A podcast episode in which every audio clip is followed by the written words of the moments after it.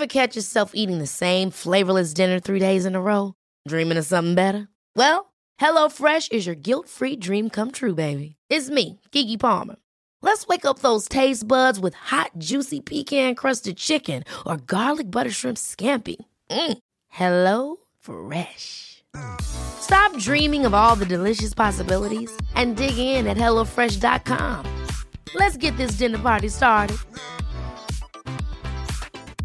Everyone knows therapy is great for solving problems, but getting therapy has its own problems too, like finding the right therapist, fitting into their schedule, and of course, the cost. Well, BetterHelp can solve those problems. It's totally online and built around your schedule. It's surprisingly affordable too. Connect with a credentialed therapist by phone, video, or online chat, all from the comfort of your home. Visit betterhelp.com to learn more and save 10% on your first month. That's BetterHelp, H E L P. There's never been a faster or easier way to start your weight loss journey than with PlushCare. PlushCare accepts most insurance plans and gives you online access to board-certified physicians who can prescribe FDA-approved weight loss medications like Wigovi and Zepbound for those who qualify. Take charge of your health and speak with a board-certified physician about a weight loss plan that's right for you. Get started today at plushcare.com slash weight loss. That's plushcare.com slash weight loss. plushcare.com slash weight loss. Vår folkelige antakelse om narsissisten er at vedkommende er langt over gjennomsnittlig selvopptatt, selvgod og overfladisk, men bak fasaden føler narsissisten seg liten og usikker på hvem han eller hun er. I psykoanalysen beskrev Sigmund Freud to typer narsissisme. Den første kalte han primærnarsissisme og forsto den som en naturlig tilstand hos nyfødte barn. Sekundærnarsissisme refererer til en utvikling hvor personen kom uforretta ut av spedbarnsstadiet og dermed vokser opp med udekka behov for bekreftelse av sitt eget selv. Dersom man ønsker å lese hva Freud har å si om utviklingen av narsissisme og personlighet, vil jeg mene at det er hans forelesninger til innføring i psykoanalyse som er lettest tilgjengelig og gir den beste oversikten. I denne boka sammenfatter psykoanalysens grunnlegger sine studier av sjelslivet. Vi tenker altså ofte på narsissisten som forholdsvis selvopptatt og overfladisk. Det er kanskje en ganske riktig observasjon fra et andre- eller tredjepersonsperspektiv, men fra narsissistens eget perspektiv finner man en overveiende usikkerhet på eget selv. Personen forsøker å kompensere for denne uklare oppfatningen av seg selv ved å tilstrebe bekreftelser fra omgivelsene. Han eller hun rammes av en slags følelse av kaotisk tilintetgjørelse dersom omgivelsene ikke til stadighet attesterer deres eksistens. Jeg vil kort gi deg en innføring i narsissismebegrepets opphav. Det kommer fra gresk mytologi, og kanskje mange av dere kjenner historien, men her er den uansett. Narkissos var i henhold til gresk mytologi en jeger i Bojotia, og han var kjent for sin fysiske skjønnhet. Han var også stolt, og han forakta de som elsket ham. Altså ikke akkurat en kjernekar. En av de som forelska seg i Narkissos, var nymfe Eko. Gudinnen Nemesis, den som straffer hybris, og hybris er altså denne betegnelsen på det at et menneske i overmot eller hovmod går ut over de grensene som gudene har satt for menneskelige handlinger. Det betyr rett og slett å være litt høy på seg sjøl og tro litt for godt om seg sjøl og sine egne evner. Og da var det denne gudinnen Nemesis som eh, altså straffer hybris, og hun merket seg Narkissos oppførsel. Da Narkissos så sitt eget speilbilde i et tjern, straffet Nemesis ham med å bli forelska i sin egen refleksjon. Ute av stand til å forlate skjønnheten i sitt eget speilbilde, mistet han viljen til å leve. Han ble fortapt, stirrende på sin egen refleksjon inntil han døde. Den romerske dikteren Ovid har utvidet myten med flere detaljer. Narkissos er opphavet til begrepet narsissisme, en psykisk tilstand for en som er sykelig selvopptatt, selvforelskende og fiksert på seg selv og sin fysiske tilstand. Og dette her er altså en gammel myte fra oldtidens Hellas, men man trenger ikke gå flere tusen år tilbake i tid for å observere dette fenomenet. Kanskje er vår moderne verden full av historier som poengterer narsissismens sørgelige tilstedeværelse i menneskelivet mer ettertrykkelig og sannferdig enn greske vandrehistorier.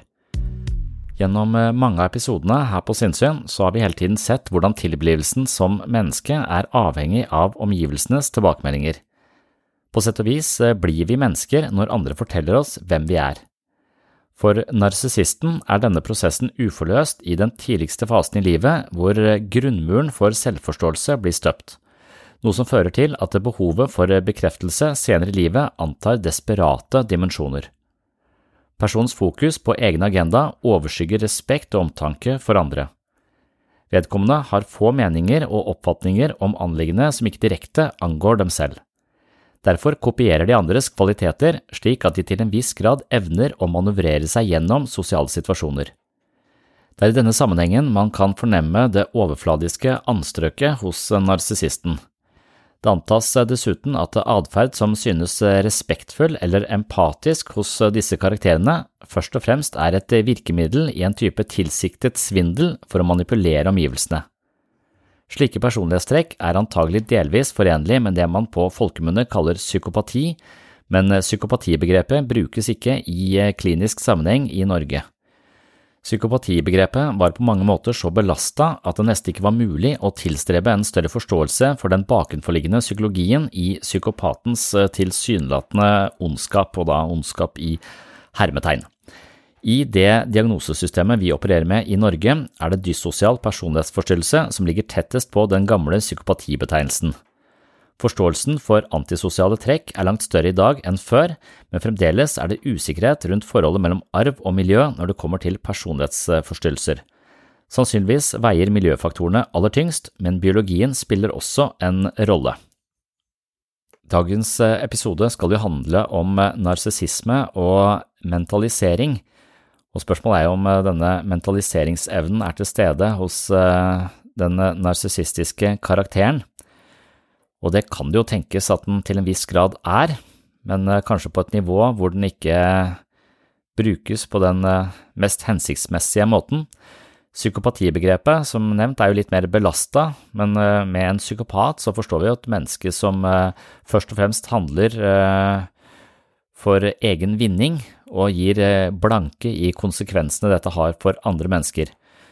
Og man kan jo da forestille seg at en en psykopat har en form for mentaliseringsevne, at eh, vedkommende kan eh, til en viss grad se seg selv og har evnen til å leve seg inn i andre menneskers følelsesliv, på sett og vis. De har en innlevelsesevne, men de bruker denne innlevelsesevnen til å manipulere andre mennesker istedenfor å føle med dem. Det er jo en stor forskjell.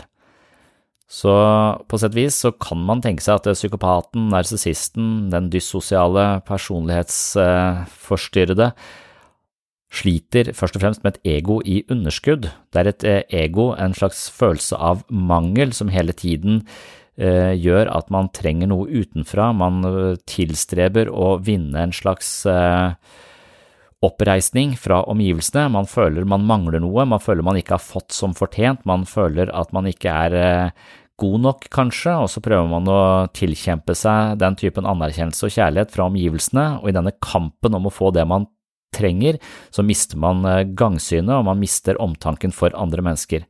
Så etter hvert så blir man da bare ekstremt selvsentrert og opptatt av å dekke egne behov, og i liten grad sensitiv overfor andre menneskers eh, behov.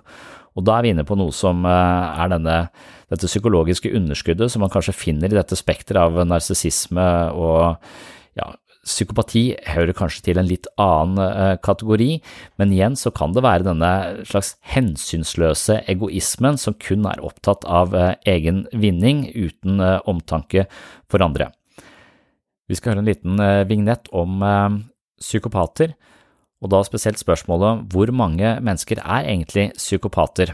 Hvor stor prosentandel av befolkningen regner man med har psykopatiske trekk i en slik grad at det kan kvalifisere for det man forstår som en eh, vaskeekte psykopat. Det er et eh, spørsmål som eh, kanskje er forholdsvis åpent, kommer litt an på hvor man setter cutoff og hva man regner for psykopati, men journalisten Ron Johnson har noen tall han opererer med i en TED-talk om psykopater, og han har også en idé om sammenhengen mellom kapitalisme og psykopati som jeg deler med han. And his clinician said to me, if you want to know more about psychopaths, you can go on a psychopath spotting course run by Robert Hare, who invented the psychopath checklist. So I did. I went on a psychopath spotting course, and I am now a certified, and I have to say, extremely adept psychopath spotter. So, here's the statistics one in a hundred regular people is a psychopath. So, there's 1,500 people in this room, 15 of you are psychopaths. Although that figure rises to 4% of uh, CEOs and, and, business leaders, so uh, I think there's a very good chance it's about 30 or 40 psychopaths in this room. It could be carnage by the end of the night.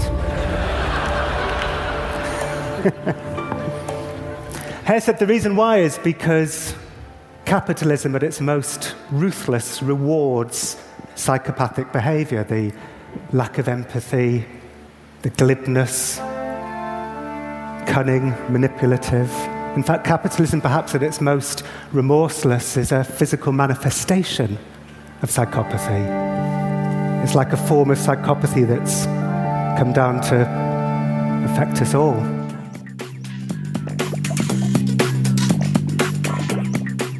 Det var eh, Ron Johnson som snakket litt om uh, utbredelsen av uh, psykopati blant folk flest og blant bedriftsledere. Der var estimatet litt forskjellig. Og jeg synes det er interessant det han sier om forholdet mellom hva skal si, kulturelle strømninger og hvordan vi organiserer samfunnet på, og utbredelsen av ulike symptombilder eller, eller karaktertrekk hos mennesker. Jeg tror jo at uh, oppveksten vår spiller en stor rolle. Altså har vi hatt uh, kjærlige omsorgsfulle foreldre, eller har vi gått for lut og kaldt vann? Det spiller en rolle i forhold til hvordan vi utvikler uh, vår egen selvforståelse og vår egen måte å mestre livet på. Men jeg tror også at kulturen vi lever inn i og vokser opp i, spiller en stor rolle og kan gjennomsyre oss på mange måter. Og da kan man jo forestille seg at kapitalisme er et system som nesten er avhengig av at eh, folk føler seg misfornøyde og har en underliggende følelse av en mangel som de eventuelt kan få dekt hvis de kjøper det eller gjør det eller kommer seg dit. Så hele samfunnet vårt er jo bygd opp på en, eh, en slags premiss om at vi bør være misfornøyde der vi er, for hvis vi er misfornøyde, så kan vi kanskje kjøpe det eller komme dit eller eh, få den typen hjelp, og hvis vi får det, så får vi det bedre. Så hele ideen om at vi kan få noe annet inn i livet vårt for å komme til et sted hvor vi har det bedre, det er det som holder hjula i gang, og det som driver oss forover, og det som driver hele forbrukersamfunnet. Så hvis man virkelig er en, eh, hvis man skal være en skikkelig anarkist, så bør man kanskje være tilfreds. For hvis eh, mange mennesker gikk rundt og var tilfredse og takknemlige og fornøyde med den situasjonen de var i der og da, så hadde ikke dette voldsomme hullet inni oss som mangler noe, som vi eventuelt kan kjøpe oss noe, eller vi kan drikke litt, eller vi kan eh, spise noen piller, eller vi kan eh, skifte seksualpartner hele tiden for å på en måte hele tiden hente inn den anerkjennelsen eller det et eller annet som kan fylle det tomrommet, denne mangelen. Og medisinen mot den mangelen vil jo være å, være tilfreds. Hvis vi er tilfredse, så trenger vi ikke noe mer for å føle oss hele, og da vil jo Maslow påstå at hvis du føler deg tilfreds og er i balanse, så har du ikke lenger behov for å få noe, men behovet ditt vil være å gi noe. Så du kommer i et overskudd hvor du er genuint interessert i å gjøre noe for noe annet enn deg sjøl. Altså du kan få noen større perspektiver og kanskje litt mer si, empatiske perspektiver og litt mer kapasitet til å forstå andre mennesker fra innsiden. Så det vil også være en slags eh, forklaring på eh, narsissisme, altså at vi på sett og vis eh, kommer til å føle oss gode nok, og idet vi føler oss gode nok, så vil ikke agendaen vår i møte med andre mennesker være å bli likt og anerkjent av de, men snarere at vi er interessert i dette mennesket for dette menneskets egen del, og ikke for at dette mennesket skal komme til å like oss og beundre oss for at vi skal føle oss bedre. Så det er også en, en, dynamikk, og den dynamikken finner vi igjen i forbrukermarkedet og kanskje selve jula i kapitalismen. Så jeg synes det er en eh, interessant eh, eh, kobling mellom narsissisme og, og den kapitalistiske modellen, på sett og vis. Nå skal vi over til to teoretikere som heter Heinz Koht og Otto Kørnberg, og begge de to snakker om narsissismens vesen i et slags utviklingspsykologisk perspektiv. Dette var en av de korte bonusepisodene her på Sinnsyn. Målet mitt her er å servere noen tanker og lettbeinte poeng som du kan ta med deg inn i de neste dagene, gjerne i påvente av en ny fullverdig episode som kommer ut på mandag. Det du hørte her i dag, er hentet som et lite utdrag fra mitt mentale treningsstudio.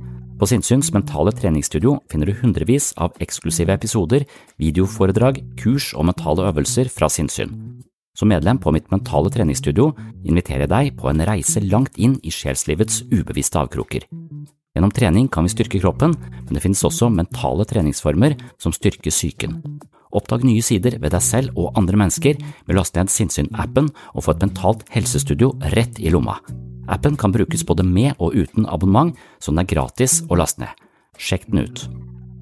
Og hvis du vil eh, gå dypere ned i vårt psykologiske liv, lære deg meditasjon, yoga, teknikker for bedre søvn og investere i et eh, fysisk styrketreningsprogram i tillegg til mental vektløfting, kan du altså tegne et abonnement på Det mentale treningsstudio. Jeg vil påstå at det kan være en verdifull investering for din egen del, og samtidig vil et abonnement gi Sinnsyn verdifull støtte og muliggjøre produksjonen av denne podkasten. Det er på grunn av medlemmer av Sinnsyn at denne podkasten lever og oppdateres hver uke. Tusen hjertelig takk til dere som allerede er medlemmer, det er lyttere som dere som holder hjulene i gang her på Sinnsyn. Så hvis du vil høre denne episoden i sin fulle lengde, som gjerne ligger på rundt en time, så kan du laste ned Sinnsyn-appen eller gå inn på patron.com for segs sinnssyn. Du kan tegne et abonnement både via Patron eller via Sinnsyn-appen. Dette er imidlertid to forskjellige plattformer, så du må velge én av dem. Begge deler gir deg tilgang til mitt mentale treningsstudio. For å lokalisere episoden du har hørt litt av her i dag, så må du gå til premiummaterialet på Sinnsyns mentale treningsstudio og søke opp overskriften på denne episoden. Takk for følget, og på gjenhør i appen eller på Patron. Ha en fin dag, eller en fin natt. Oh, I'm just losing my mind, that's all.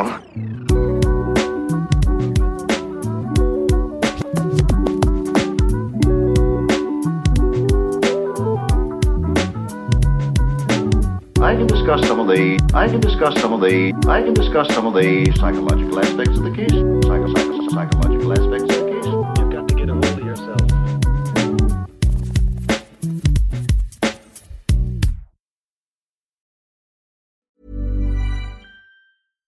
Even when we're on a budget, we still deserve nice things.